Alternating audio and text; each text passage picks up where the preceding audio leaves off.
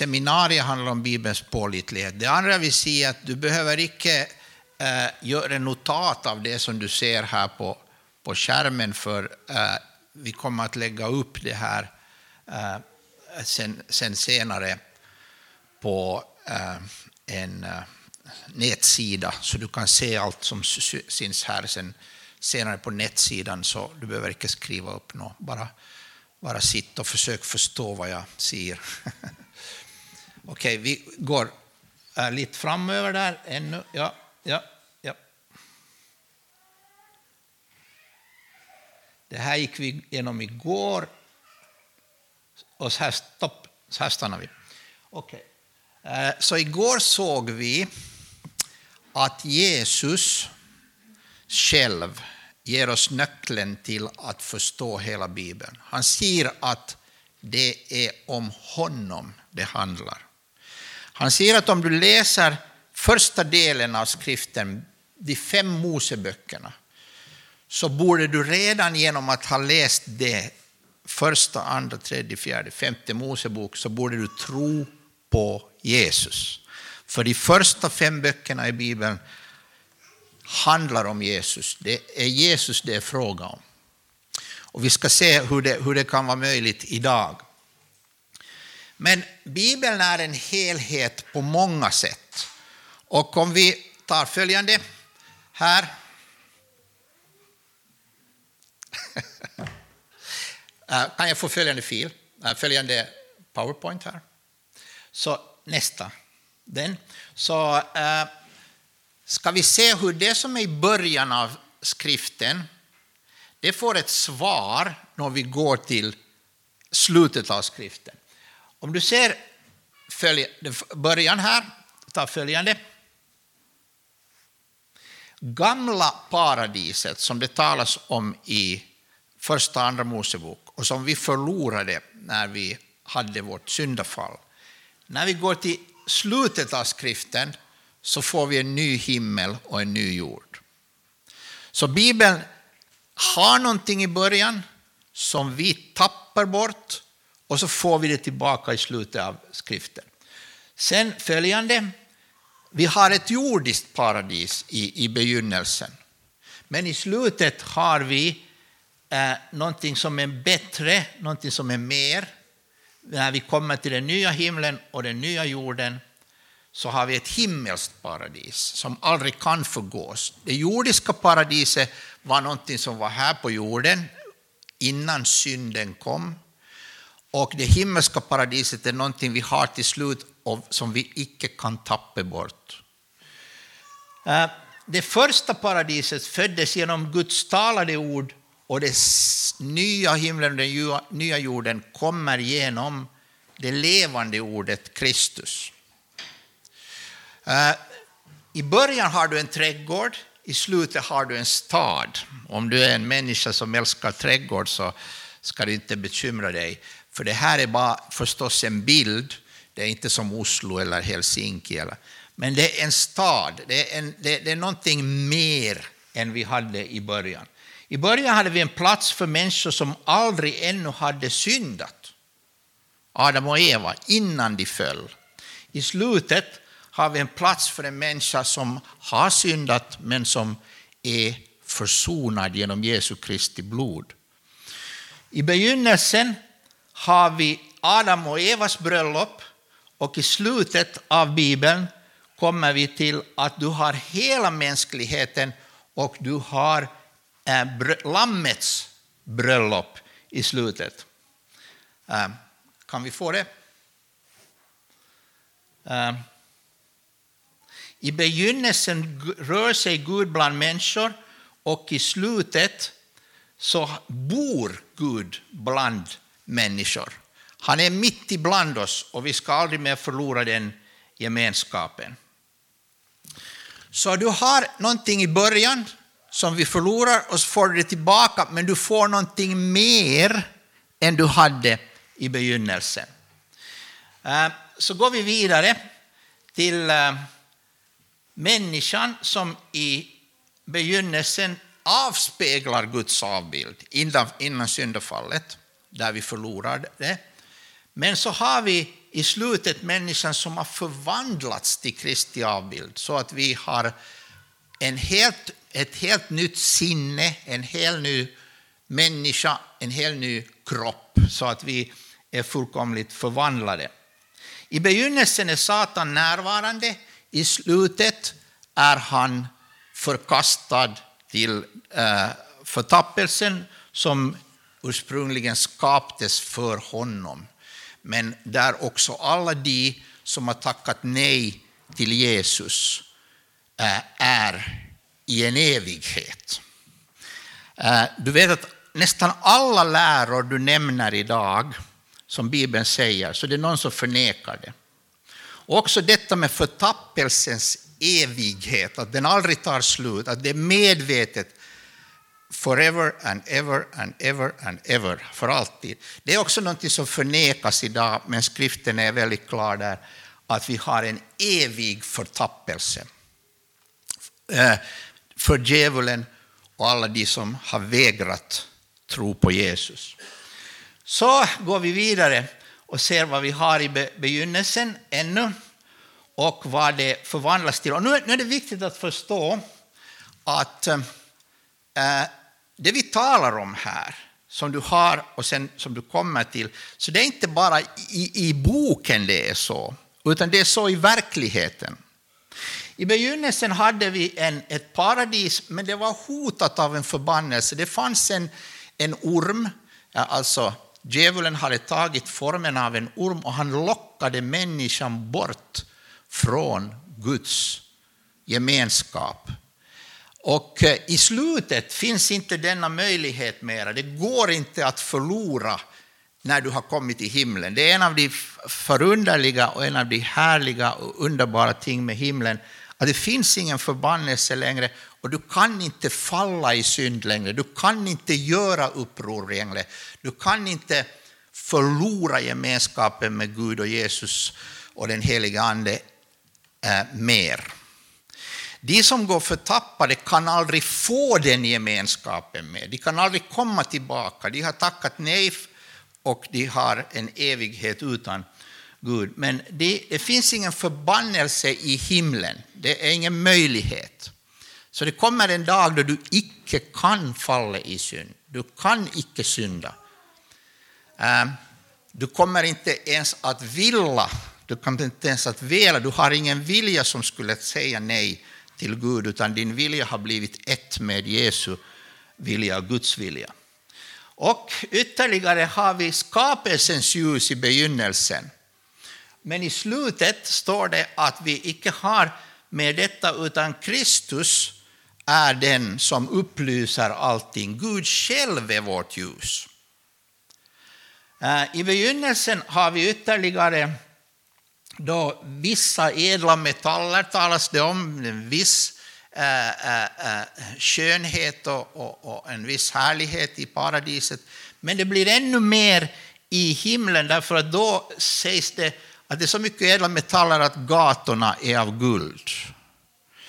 Alltså, det är klart att det är återtal om bilder, men det är fråga om att du får inte bara tillbaks det paradis du hade, utan du får någonting mer. Du får någonting mer än du hade i begynnelsen. Och så har vi dag och natt i begynnelsen och i slutet är det ingen natt längre. Det är ingen som, som sover hela tiden. Det är ingen som har apné, den här sjukdomen, om ni känner till som jag har. Det var väldigt gott att veta det, för då hade jag en förklaring på varför jag somnar när min fru talar ibland. Men dag och natt, ingen natt i slutet. Ingen natt. Och i begynnelsen har du hav och land, och i slutet har du inget hav.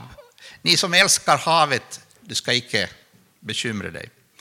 För det är inte fråga om äh, geografi här, utan det är fråga om att du havet är en symbol på det som är oroligt, okontrollerbart.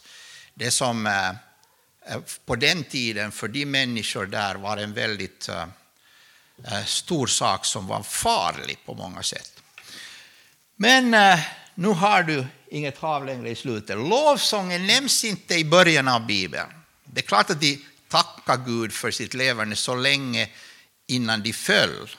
En del av fallet är att vi slutar säga tack. När Romarbrevet säger till oss eh, vad som är första tecknet på frafall, så är det det att du slutar tacka och lova och prisa Gud. Men lovsång nämns inte i begynnelsen, men i slutet är det en ständig lovsång. Det är hela tiden ett, ett, ett, ett, ett tack och pris i evighet till Gud. Om det nu är någon som säger att jag orkar inte sjunga i den kören för evigt, så ska du åter inte bekymra dig för, förstår du, poängen är den här. Om du nu förstår, om du nu inser att du har många saker att tacka för, du har väldigt många saker att tacka för. Så när du kommer till himlen och ser Jesus och ser Gud så kommer du att ha så mycket att tacka för att du behöver en evighet. För han är mer förunderlig än någon av oss kan förstå. Det här är väldigt svårt att förstå för oss idag, för, för Gud har ju gjorts till en liten, liten, han är någon underlig varelse. I värsta fall är han bara en tanke i vår tanke. Men Gud är en verklighet, det är han som har skapat allting.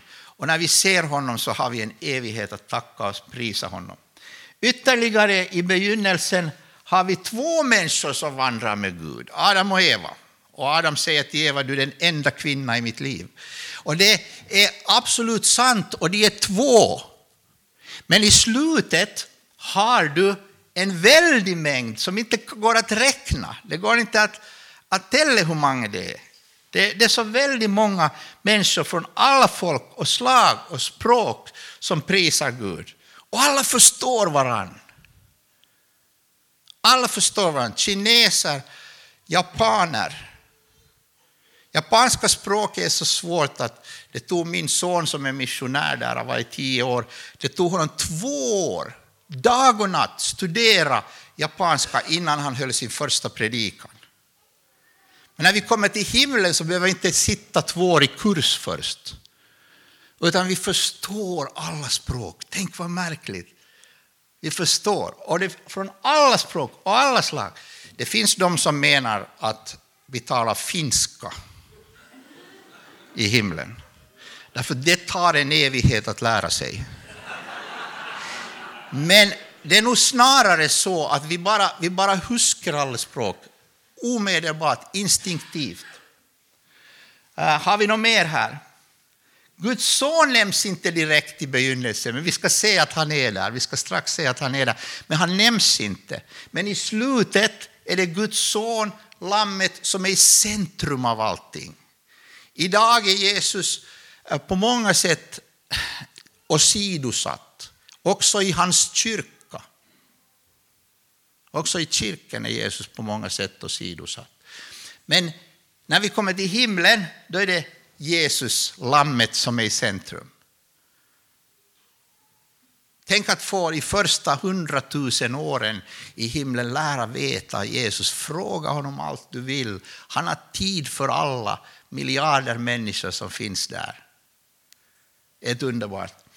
Uh, har vi något mer här? Nej. Då ska vi gå till Nya Testamentet och se att Nya Testamentets författare hade lyssnat noga på Jesus. Och de hade lärt sig av Jesus att ni ska söka mig i skriften. Och vi ska se hur de gör det.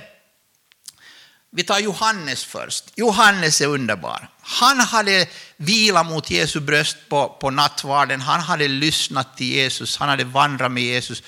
Och när han skriver så säger han, för det första, Jesus var ordet som funnits i evighet och som blivit människa. När, han går till, när, när Johannes tar sin bibel och så börjar han läsa, så säger han ja, men Jesus, han fanns redan före skapelsen. Han fanns redan innan i begynnelsen.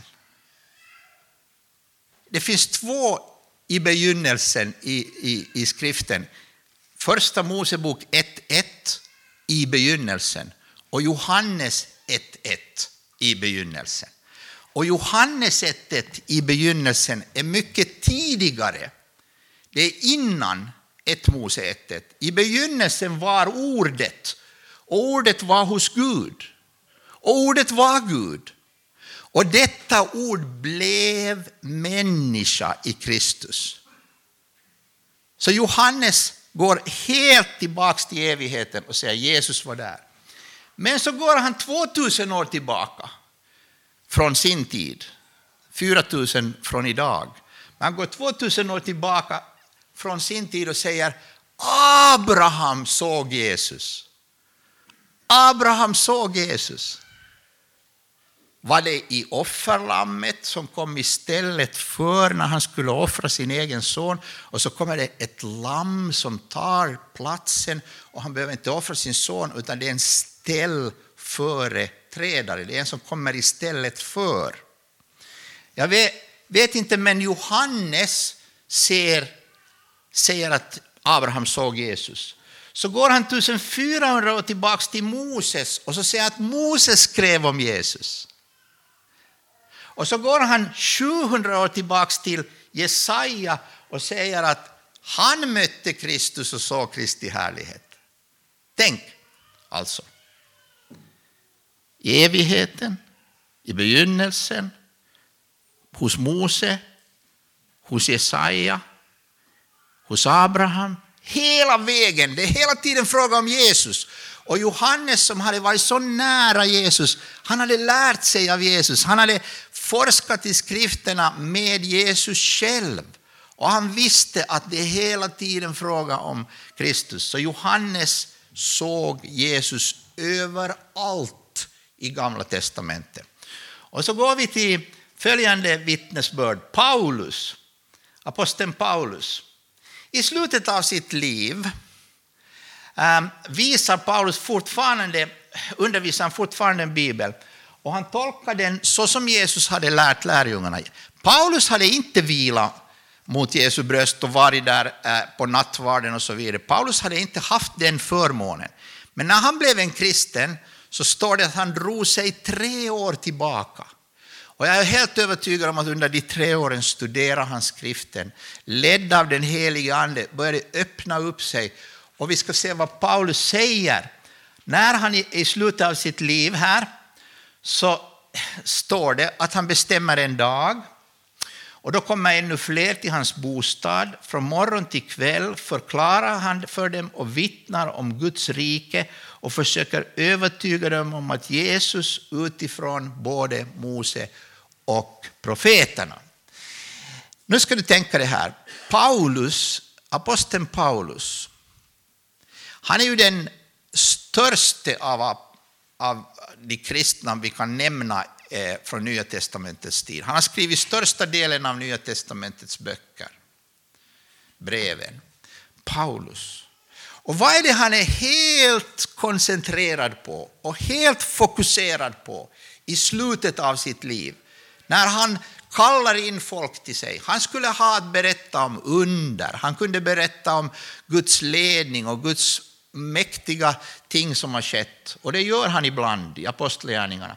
Men nu säger han här, eh, om vi ännu går tillbaka till den där förra där, så säger han att han vill förklara ur Gamla testamentet och övertyga de som har kommit om Guds rike och att det är Jesus som är frälsaren och den enda vägen till Gud.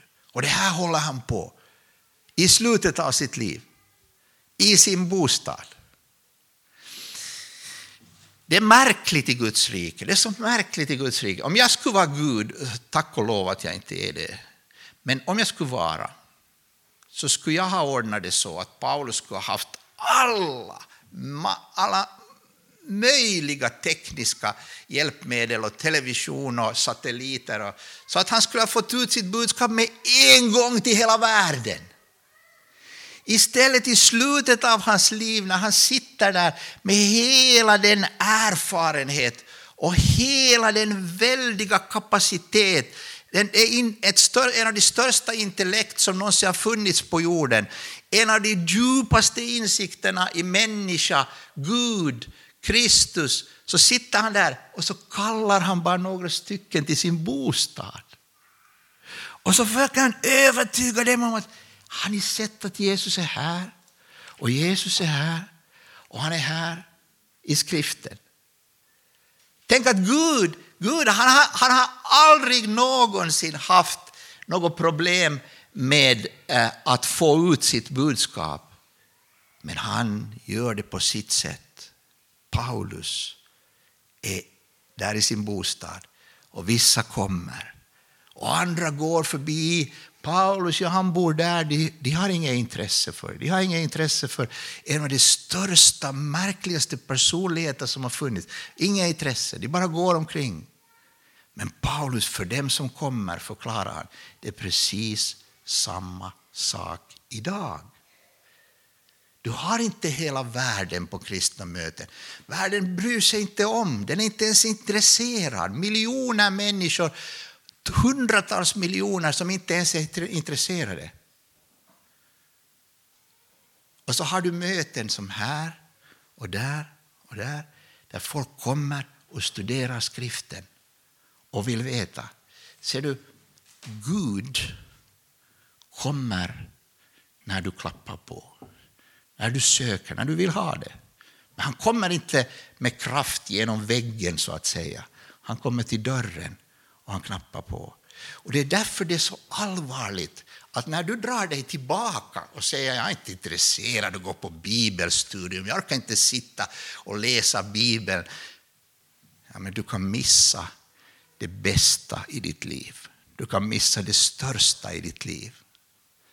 Så du må vara väldigt försiktig. När Gud kallar, när Gud talar så ska du lyssna på hans ord. Du ska gå dit där hans ord är och du ska höra på det. Äh, låt oss gå vidare och se vad Paulus också gör. Han använder det upplevelse som Gamla testamentets troende hade som ett exempel för det troende i Nya testamentet. Det troende i Gamla testamentet, säger Paulus, hade gemenskap med Kristus. De frästa Kristus, de var olydiga mot Kristus. De trodde på honom visst, men de också gjorde uppror mot honom. De vandrar med Kristus. Äh, så går vi vidare och tar följande vittnesbörd, Hebreerbrevets författare. Han säger att det samma evangelium som vi har hört förkunnades för israeliterna under ökenvandringen. Och han säger att Mose räknade Kristi vanära som en större rikedom än Egyptens alla skatter, för han hade blicken riktad mot lönen. Den här versen misstolkar jag. Jag läste den fel i minst 30 år. Varje gång jag läste den så tänkte jag, ja Mose, du tog den skam, du tog den vanära på dig för Kristi skull. Och så ledde du Israels folk och, och lämnade Egypten och lämnade prins, en plats som prins där i Egypten och, och, och ledde, ledde Guds folk. Och jag tänkte, ja Mose, det var bra, du räknar Kristi vanära som en större rikedom. Men sen en dag när jag läste det så, så nej men det står ju inte så.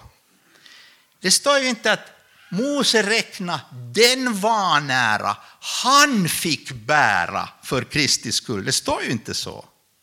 Utan det står han räknade Kristi vanära. Alltså den vanära som Kristus bar.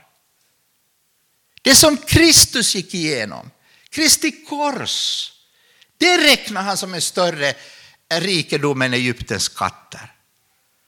Och det vet du många gånger när man studerar Bibeln och så tror man att ja, det här vet jag, ja, det här vet jag. Det.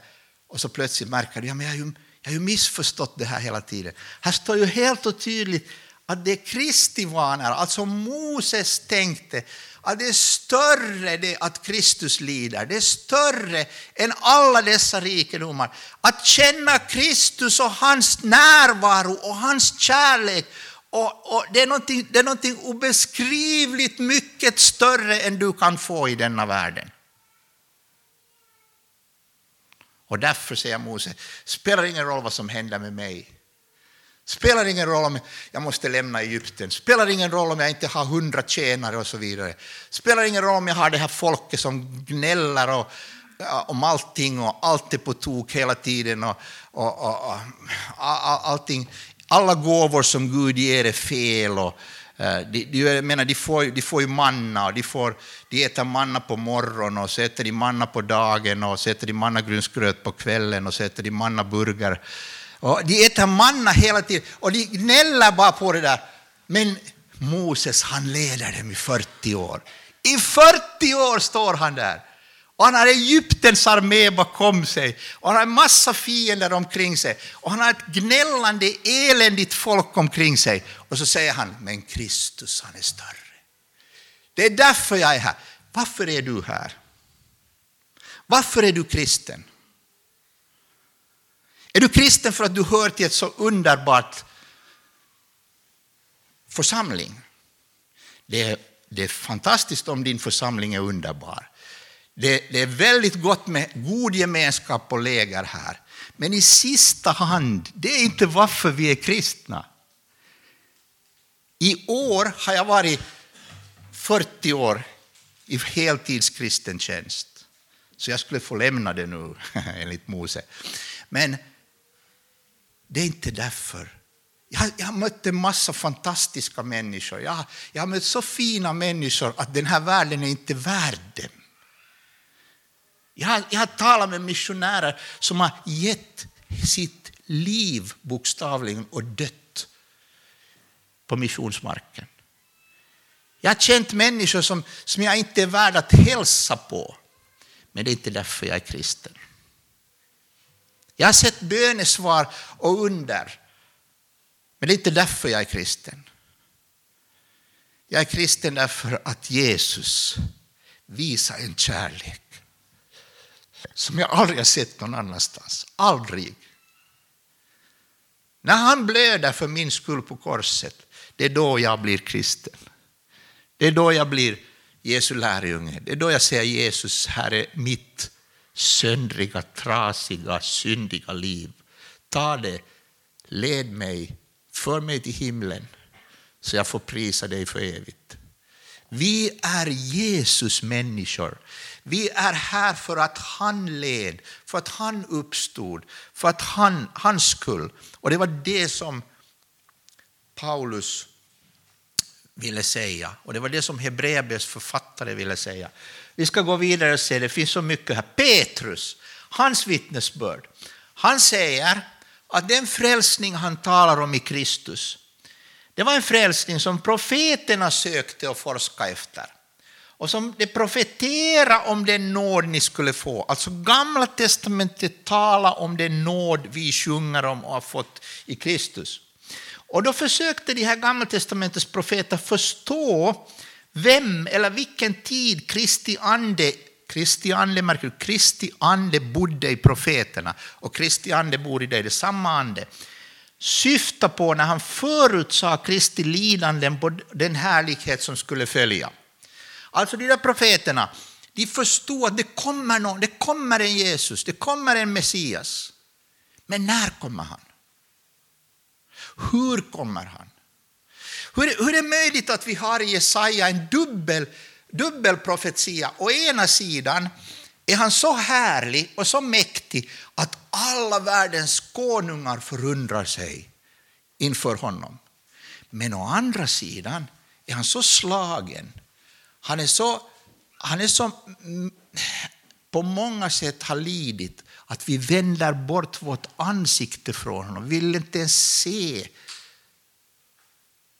Alltså, hur är det möjligt att du har en som är så högt och så lågt? Ja, vi vet det nu hur det är möjligt.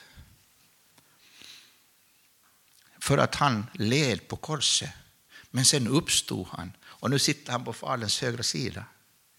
Men profeterna i Gamla testamentet de såg att jo, å ena sidan kommer han att lida, å andra sidan kommer han att härska. Han kommer att vara konung, men han kommer också att vara Herrens lidande tjänare. Hur ska du få ihop det här? Det fanns till och med en judisk grupp strax före Jesus tid som sa att det måste komma två Messias. För den ena ska vara den lidande Messias och den andra ska vara den härskande Messias. Så de trodde att det måste komma två. Istället vet vi att han kommer, det kommer en, men han kommer två gånger. Han kommer först en gång och så dör han på korset och lider och bereder oss frälsning och så går han upp till himlen, till Guds högra sida och så kommer han tillbaka och härska. Så att vi har en konung som har lidit. Låt oss se vidare. Judas. Judas. Ehm, det här är en av de mest underbara verser i Nya Testamentet. Och det är så otroligt. De sista bibelöversättningarna som kommer kom ut nu, till exempel på engelska, de har alla, även om ni redan känner till allt, vill jag påminna er om hur Jesus först frälste sitt folk ur Egypten och sedan dödade dem som inte trodde. Men hittills så har alla översättelser haft Herren. Ja, vad beror det på? Ja, det beror på att i de grekiska texterna så har du flera texter där det står Herren. Men du har ännu äldre och bättre texter där det står Jesus. Ja, men varför tog de inte Jesus då från första början? Bruce Metzger, som var ledaren för den som samlade Novum, det är alltså en, en, en grekiska grundtexterna, eh, eh, den grekiska nya testamentet byggt på de grekiska grundtexterna. Han sa att vi, vi, kan, vi, vi tog inte in Jesus för det var så radikalt. Så vi, vi, vi, valde att ta de här andra texterna som säger Herren. Hur så var det radikalt? Ja, men ser, du, ser du inte vad det står? Ser du vad det står? Eh, ni känner, vill jag påminna hur Jesus frälste sitt folk ur Egypten. Jesus frälste sitt folk ur Egypten. Jesus frälste sitt folk ur Egypten. 1400 år innan han föddes. Ja, för det var Jesus som verkade i Gamla testamentet. Och sedan dödade han den som inte trodde. Det står i Gamla testamentet att Herren slog dem och dem för att de gjorde uppror och vände ryggen till honom. Det var Jesus som verkade från skapelsen genom hela Gamla testamentet, men han var dold innan han blev människa. Han verkade på ett dolt sätt, på ett fördolt sätt. Skjult, tack ska du ha. Bara gör det där. Korrigera mig varje gång jag använder ett ord som är för, för skjult. Han var skjult genom hela Gamla testamentet. Och så stiger han fram och kommer och blir kött. Men han var där i begynnelsen. Han var där i Egypten. Du kan, du, kan, du kan ta det här enkelt om du frågar när blev Gud treenig? När blev Gud treenig? På 400-talet i kyrkomötet? Nej. Han har alltid varit treenig Gud. Det är Jehovas vittnen som har fått det här eh, eh, liksom fel väg. Så de tror att att, att, att man kom på det där med treenigheten. Nej, Bibeln lär treenig att Gud är treenig och har hela tiden sagt att Gud är treenig. Och sen till slut när kyrkan hade hållit på i hundratals år, ja men här är ju tre stycken som är som Gud. Och så är det ändå en Gud. Så sen till slut sa de, vi tror på en enda Gud, Fader, Son och helig Ande. Och de vi tror på Jesus Kristus, ljus av ljus Gud av Gud. Sann Gud av sann Gud. Man hör, man hör den där kampen i urkyrkan i de där orden. Vet du, när de sa han är Gud. Jo, men han är inte riktigt lika Gud som alla andra. Upp, upp, upp. Han är Gud av Gud.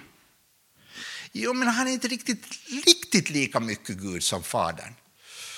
Oh, come on. Han är sann Gud av sann Gud. Okej. Okay. Så det var en väldig kamp där för att de skulle hålla fast vid det som står skrivet. Och nu står det alltså Judas säger, det där Judasbrevet, det tar ungefär 20 minuter att läsa. Och please, läs det. Det finns ingenting så aktuellt som Judas lilla brev idag. Där har du svar på vad det är fråga om i Pride, där har du svar på vad det är fråga om i kyrk, kyrkens kamp idag, där har du svar på allt det här. Han svarar precis, det som är, det, vi talar om profetiska ord här och där. Det profetiska ordet är här och Judas brev är så profetiskt som om det skulle ha skrivit igår. Det är väldigt profetiskt. Um, där står det också att det var Jesus. Okej. Okay. Uh, varför är det så här att det hela tiden är fråga om Jesus? Därför att Gud uppenbarar alltid sig själv genom sin son. Vi ska se hur det här går till. Alltså i Gamla testamentet redan så har du den situation att sonen uppenbarar Fadern. Och sonen uppenbarar Fadern i Nya testamentet, sonen uppenbarar Fadern hela tiden genom hela skriften, överallt. Och vi ska gå vidare här så ska vi se. Sonen är och har alltid varit den enda genom vi kan närma oss Fadern. Jesus säger ju så här, jag är vägen, sanningen och livet. Ingen kommer till Fadern utom genom mig. Men många kristna läser det så här, ja, ingen kommer nu för tiden till Fadern utom genom mig. Ingen kommer idag till Gud genom mig. Men på Gamla testamentets tid, nej, ingen kommer till Fadern, ingen kan se Fadern, ingen kan förstå Fadern, ingen kan vara i gemenskap med Fadern, utom genom Jesus Kristus, hans son. Så är det och så har det alltid varit. Och så kommer det alltid att vara. Varför det? Jo, därför att Gud är Gud och vi är människor och vi är syndiga människor. Och som syndare kan jag inte komma inför Guds helighet. Bara så här. Hej. Utan jag är syndare, jag behöver en mellanman, en medlare, en förmedlare, en, en frälsare. Jag var på ett ungdomsmöte i vår mission för en tid sedan och så, så började de varje, varje morgon med lovsång. De hade ett sånt houseband och så började de, ja, vi lovar Herren. Och, och jag, jag, jag, jag är ingen morgonmänniska. Och jag är inte liksom helt fylld av ande varje morgon. Jag vaknar. ah. Utan jag satt där lite sådär och, och, så, och så skulle jag ha bibelstudium. Så sa det är, så, det är så jobbigt det här, gå direkt så här till Gud jag har så mycket att bekänna, mina tankar, ord och gärningar. Att uh, jag skulle behöva förlåtelse, rening i blodet. Nästa morgon så kom vi samman igen, housebandet. Så kom den unge mannen som ledde mig, han kom fram och så stirrade han bara på mig och så sa han, vi ska bekänna våra synder först. och så började han med en syndabekännelse. Och så bekände vi att Herre, vi är fullkomligt omöjliga att komma inför dig. Och sen tittade han ännu mer på mig och så sa han, och nu ska vi lova Gud. och då var jag den första som steg upp, hoppade upp och sa halleluja, nu ska vi lova Gud. Vi är förlåtna, vi är försonade, vi är renade, vi är Guds barn. Och i Bibeln är det så här att du kan inte komma till Jesus, till Gud utom genom Jesus. Sen har många katolska vänner fått det här fel så att de säger att man inte kan komma till Jesus utom genom Maria. Men du behöver ingen Maria där. Hon är liksom i, i skuggan av sin egen son. Så du kan gå direkt till Jesus Kristus. Det är han som är frälsare. Han är, han är den lång, långmodige, den, den barmhärtige, den kärleksfulla. Du kan komma till honom precis som du är och så kan du via honom gå till Fadern. Via honom gå till Fadern. Du behöver ingen annan medlare, du behöver ingen annan frälsare, men du behöver Jesus Kristus. Det är hela Bibelns budskap. Låt oss gå vidare här och se. Eh, alltså, det här ordet gäller inte bara Nya testamentet, utan det gäller också Gamla testamentet. Och så går vi vidare igen och ser Gud är en och en är medlare mellan Gud och människa. Inte två eller tre eller fyra. Vi behöver inga andra medlare. Ingen, I Gamla testamentet var det så här. Ingen kunde se Gud och överleva. Men ändå så står det, om vi går vidare, att de, de, de mötte Gud. Och så säger de så här. Idag har vi sett att Gud kan tala med en människa och ändå låta henne leva. De var helt förbryllade. Gud har ju sagt att man kan inte se honom och leva, för han är så helig och vi är så syndiga. Men nu har vi sett Gud och hört Gud och mött Gud och ändå lever vi. Vem var det de såg och hörde och mötte? Vem var det? Jo, i Nya testamentet när vi går vidare så ser vi svaret på det här. Att den här stora frågan, om ingen någonsin har sett Gud som Eh, 2 Mose 33.20 lär oss, vem var det då som, som, som det heliga i Gamla testamentet såg och mötte? Jo, svaret blir, när vi går vidare här, så blir svaret att ingen har någonsin sett Gud, men den enfödde som själv är Gud och i Faderns famn, han har gjort honom känd. Den som är vid Guds sida och själv också är Gud, han är den osynliga Gudens avbild. Gud möts i Jesus. Och när Filippus, när vi går vidare här, så ser vi att när Filippus säger till, till Jesus, de har, de har levt med Jesus i flera år, och så säger Filippus, äh, en sak till Jesus. Tack för alla under du har gjort, tack för allt underbart. En, kan jag be om en sak till? Låt oss få se Fadern. Så säger Jesus, den som har sett mig har sett Fadern. Så länge har jag varit hos er. Den som har sett mig har sett Fadern. Du har sett Gud, Filippus. Du har sett Gud sova, vakna, bota, hela, förkunna, visa kärlek, visa rättfärdighet. Du har sett Gud vredgas och jaga ut de som sålde och köpte i, i templet. Du har sett, du har sett hurdan Gud är. Jag är Gud. Och det var det väldiga budskapet. Att när de såg Jesus så såg de Gud. Kyrkofadern Justinus, martyren, han dog som martyr, så han sa så här, vare sig Abraham, Isak eller Jakob eller någon annan människa har någonsin sett honom som är alltings fader och Kristi egen fader och den uttryckliga Herre, utan de såg endast honom som enligt Guds faderns vilja är både Gud, hans son och hans ängel, som han Gud också ville att han skulle födas av en jungfru och som en gång blev eld för att samtala med Moses. Vilket underbart ord. De här, de här, många av de här kyrkofäderna har en djup insikt i Gamla testamentet. Och de säger, titta, alltså Jesus var den som var i den brinnande busken. Jesus var den som ledde ut ur Egypten. Jesus var den som mötte Jesaja, Abraham, Mose, David och så vidare. Och så vidare.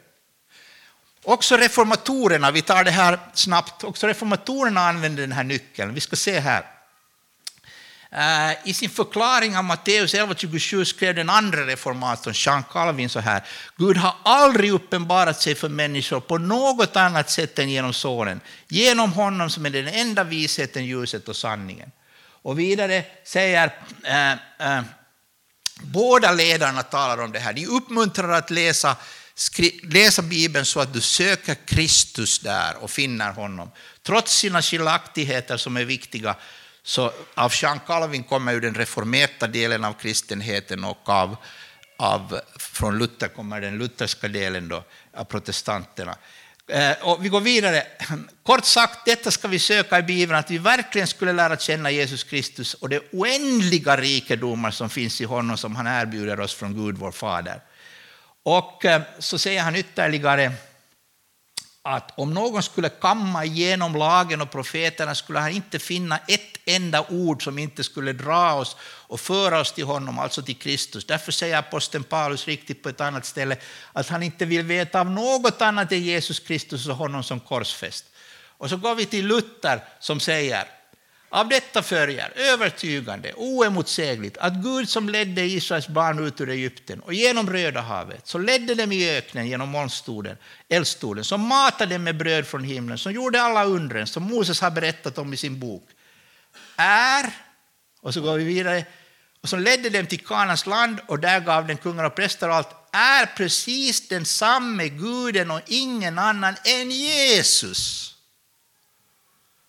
Det var Jesus som gjorde allt det där som Luther räknade upp där. Det var han som ledde sitt folk tog hand om sitt folk och till slut blev han människa och dog på ett kors för sitt folk, för hela mänskligheten, så att alla som tror på honom har möjlighet att bli frälst och förlåten och komma till himmelriket.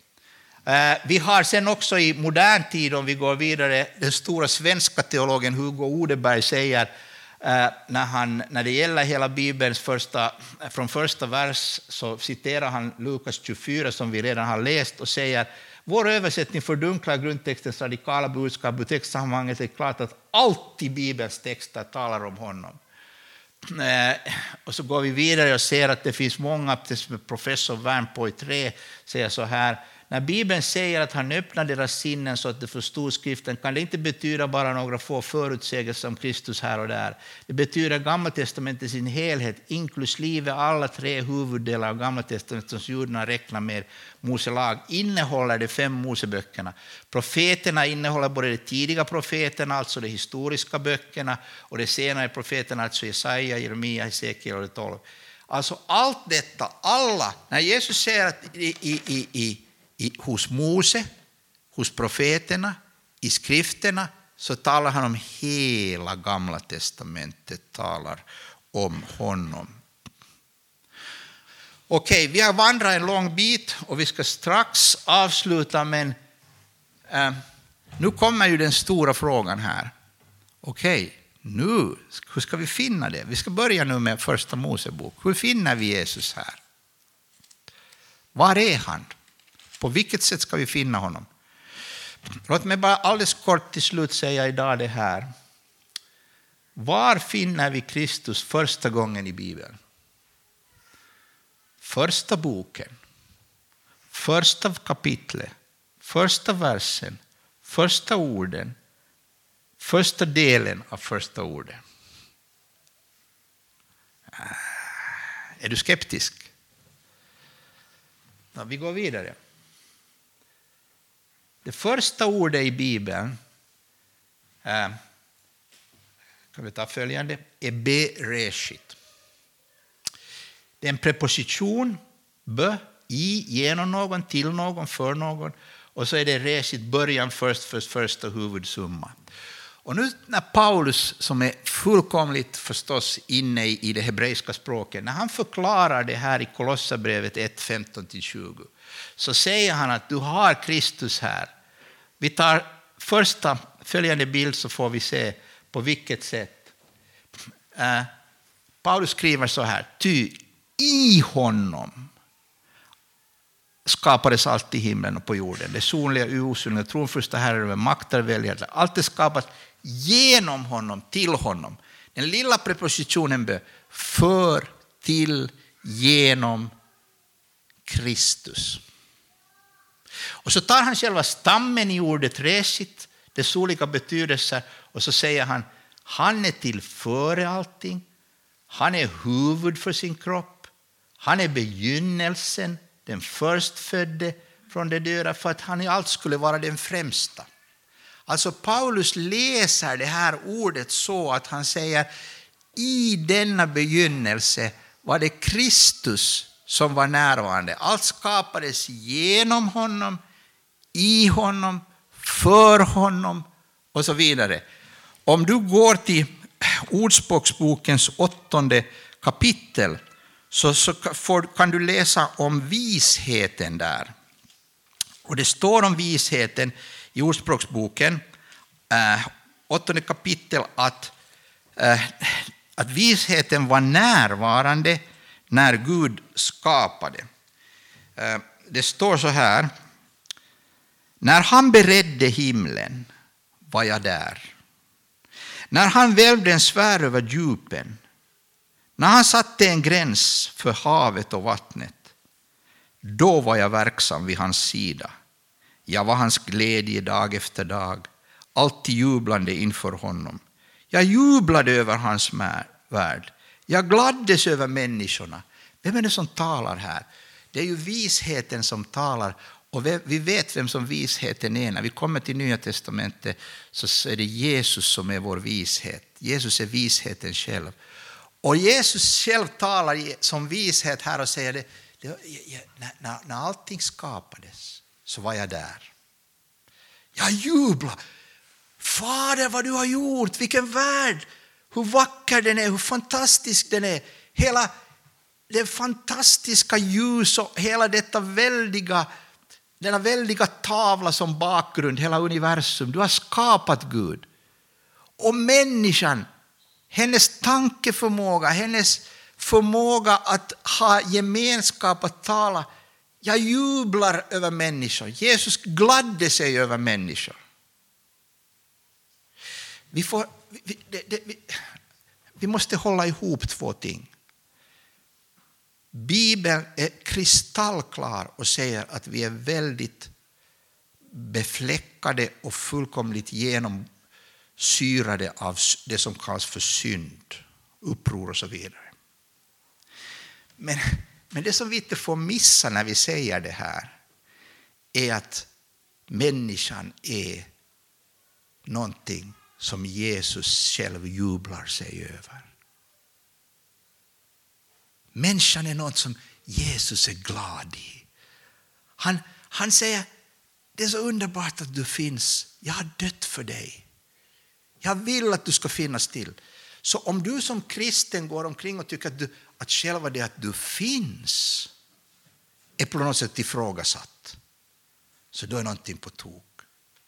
Det spelar ingen roll vad du har sna, uh, hur, hur, hurdan du är och vilka böjelser du har. Och vi kanske, kanske vi inte har riktigt kunnat kommunicera det här med vår tid. Att det spelar ingen roll om du är heterosexuell, homosexuell och så vidare. Du är människa som Gud har skapat. Sen är det en annan fråga.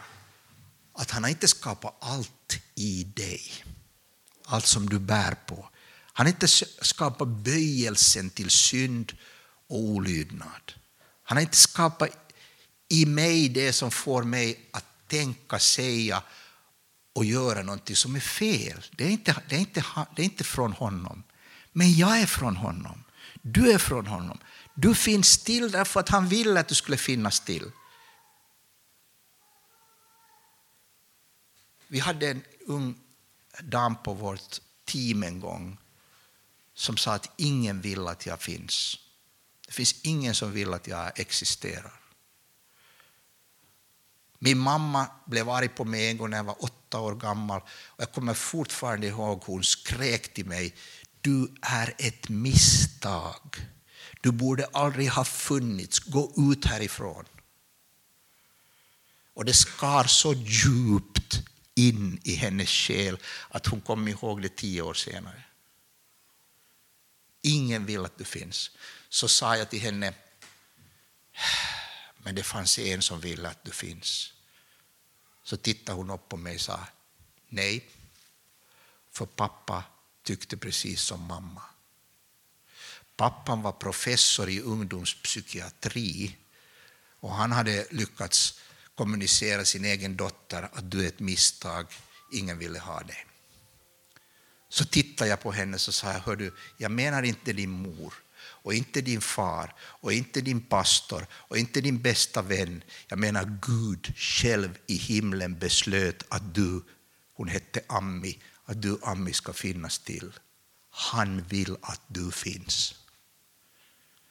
Och hon mötte en sådan läkedom hos Jesus att idag, 30 år efter den där händelsen, jobbar hon med problemungdom i en av Finlands största städer. Har jobbat i socialarbete i 30 år och hjälpt människor som ingen vill ha, ingen vill att ska finnas, som har jätteproblem. Och hon har utgjutit sitt liv för dem därför att hon fick själv veta att Gud vill att du finns till. Han älskar dig. I skapelsens morgon skapade han dig.